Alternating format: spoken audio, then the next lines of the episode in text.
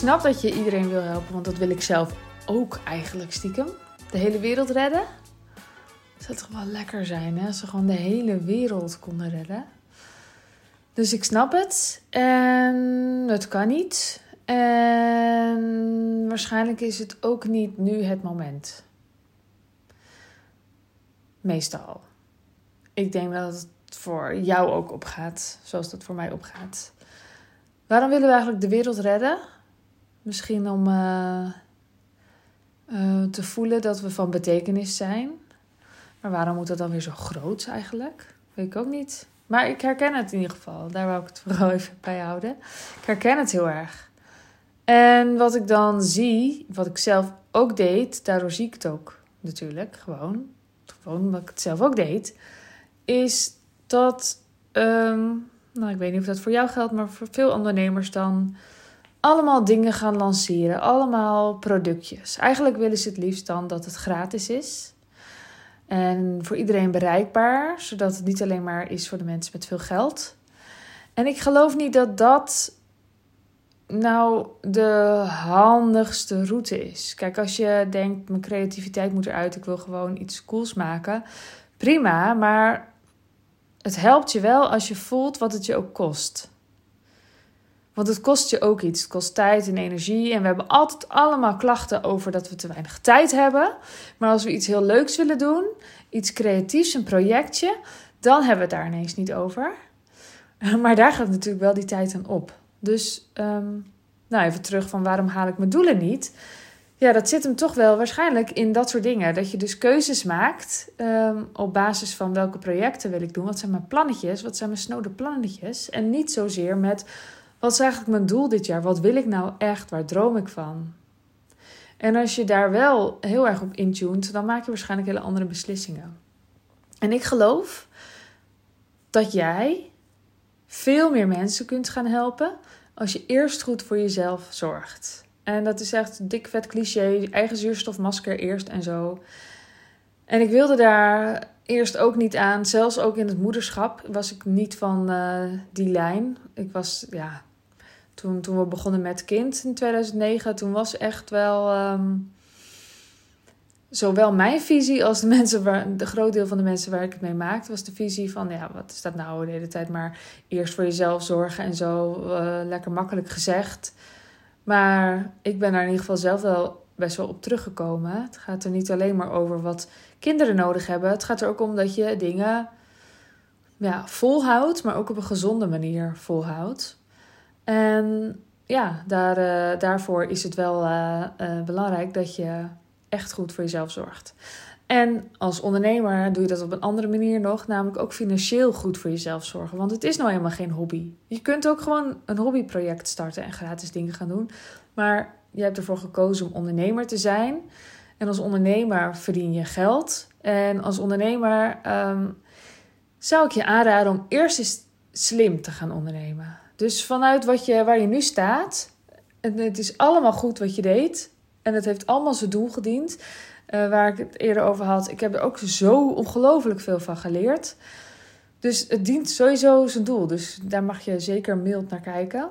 Maar besluit dan vandaag. Vanaf nu ga ik een jaar lang slim ondernemen. En met slim ondernemen ja, kijk je dus opnieuw naar je aanbod. Kijk je opnieuw naar je verdienmodel. Kijk je opnieuw naar wie je aanspreekt, je niche. Je kijkt opnieuw naar wat je eigenlijk allemaal kunt. Je kijkt opnieuw naar alles. En dan maak je waarschijnlijk hele andere keuzes. Wat als jij zes keer zoveel wil verdienen dit jaar dan wat je nu verdient? Wat betekent dat dan? Welke keuzes heb je dan te maken? En niet alleen wat ga je wel doen, maar ook vooral wat moet je dan dus laten? Wat kan er allemaal niet? En dat voelt altijd een beetje pijnlijk om dingen niet te doen die je wel wil en zo. Het kost ook allemaal wat om een deur te sluiten. Maar goed, ja.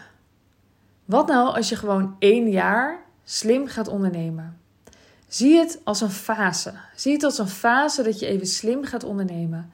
Het, het je, je, hoeft je er niet mee te identificeren. Het is niet je identiteit ineens dat je een slimme ondernemer bent. Nee, dit is gewoon wat je een jaar doet. Helpt trouwens wel om dat dan ook als identiteit aan te nemen. Ik had het eerder over be, do, have. Bij de, volgens mij in de podcast over ik haal mijn doel niet. Ehm, ja, één jaar. En dat betekent dat je één jaar een bepaalde klant helpt. En dat je dus ook andere mensen niet helpt. Gewoon helemaal niet. Helemaal niet. Ja, liggen ze dan uh, op straat uh, uh, hulpeloos te wachten? Nee. Er zijn meer mensen. Je bent niet alleen. Je bent niet de enige die hulp biedt. Maar het is maar één jaar. Zorg eens dat jij het op orde krijgt. En daarna kun je weer opnieuw kijken. Dan zou ik nu allemaal niet gaan invullen wat je dan gaat doen. Het kan helpen. Misschien motiveert het je om wel te bedenken wat je dan daarna allemaal wil gaan doen en wie je daarna allemaal wil gaan helpen. En hoe je de wereld gaat redden. Maar dat mag je ook parkeren voor een jaar. Dat is maar een beetje afhankelijk van hoe jij in elkaar steekt en wat je nodig hebt om jezelf te motiveren. Als je gewoon intunt op je eigen doelen. Wat wil jij voor je leven? Wat is voor jou het ideale leven? Misschien is dat wel genoeg motivatie om slim te gaan ondernemen. En ik zeg bewust één jaar, omdat ik merk om me heen dat er heel veel weerstand is op kiezen voor bijvoorbeeld een, een doelgroep die wat lucratiever is. En dat is omdat je daarmee, ja, het is gewoon niet eerlijk of zo, hè? Het is niet eerlijk voor de andere mensen. Maar geloof je me, kun je voelen dat als jij je zaakjes op orde hebt, dat je er veel meer voor anderen kunt zijn. Ik kan nu ook bijvoorbeeld veel makkelijker aan goede doelen geven dan uh, eh, 2018. Toen ik geld gewoon echt vies vond en, en daar niks van wilde weten. Alle, alle producten waren veel te goedkoop. En uh, Daarmee sloot ik overigens ook mensen uit. Niet, niet echt natuurlijk, maar er waren een heleboel mensen die zich daardoor helemaal niet aangesproken voelden. Die voelden zich niet potentieel klant, zeg maar. Dus je kunt ook gewoon te goedkoop zijn. En ik denk dat je in een kramp schiet als je nu een keuze maakt en daar uh, ja, aan plakt dat dit dan het is voor de rest van je leven. Maar dat hoeft helemaal niet. Wat nou als je gewoon voor één jaar kiest? Wat nou als je gewoon één plan maakt, één strategie, één manier en, en dat niet de hele tijd opnieuw gaat bevragen, maar dat gewoon gaat doen? Waar zou je dan over een jaar staan? Geloof jij, kun je voelen dat je dan de doelen die je wilt halen in een jaar gewoon kunt halen? Als je jezelf niet de hele tijd in de weg zit. Als je jezelf niet de hele tijd aan het ondermijnen bent met... Moet ik niet de wereld redden? Moet ik niet die anderen helpen? Is dit wel eerlijk?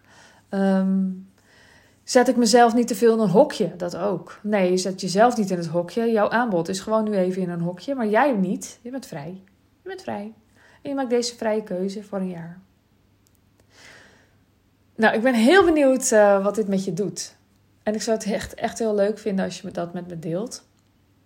En mocht je die strategie willen doen voor een jaar en het zo slim mogelijk willen doen, dan help ik je daar natuurlijk gewoon bij. En dan hou ik je er ook gewoon op accountable op mijn lieve, milde manier. Um, ja, wat moet je dan doen? Dan stuur me dan gewoon een DM. Dan uh, hebben we het erover. Maar in zo'n jaar kan ik je gewoon wel heel erg op koers houden. Ik help je er gewoon steeds aan herinneren wat je, wat je dromen en je plannen eigenlijk waren. En dat doe ik niet door je advies te geven, maar ik doe gewoon mijn best om de juiste vragen te stellen, waardoor je zelf je keuzes maakt. Dat is eigenlijk wat ik doe.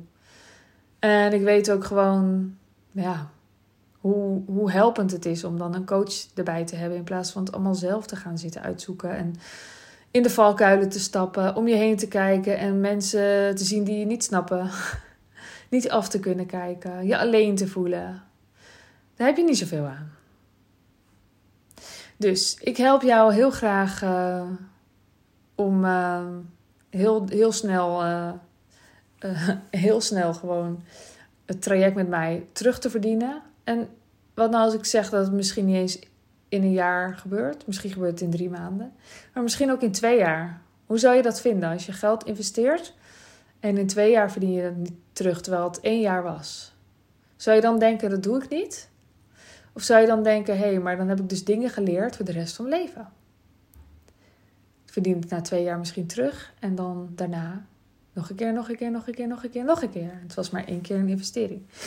Dat was maar even food for thought. Heel veel, uh, heel veel van mijn klanten verdienen het wel eerder terug hoor. Dat, uh, dat wou ik nog even zeggen. Um, ja, mocht je denken, hier wil ik wel wat mee, stuur me een berichtje.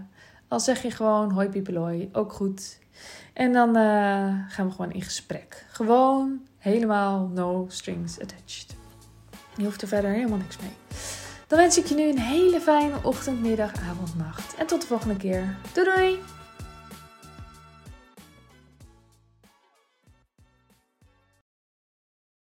Wil jij bouwen aan 10 keer meer eigenaarschap over je leven?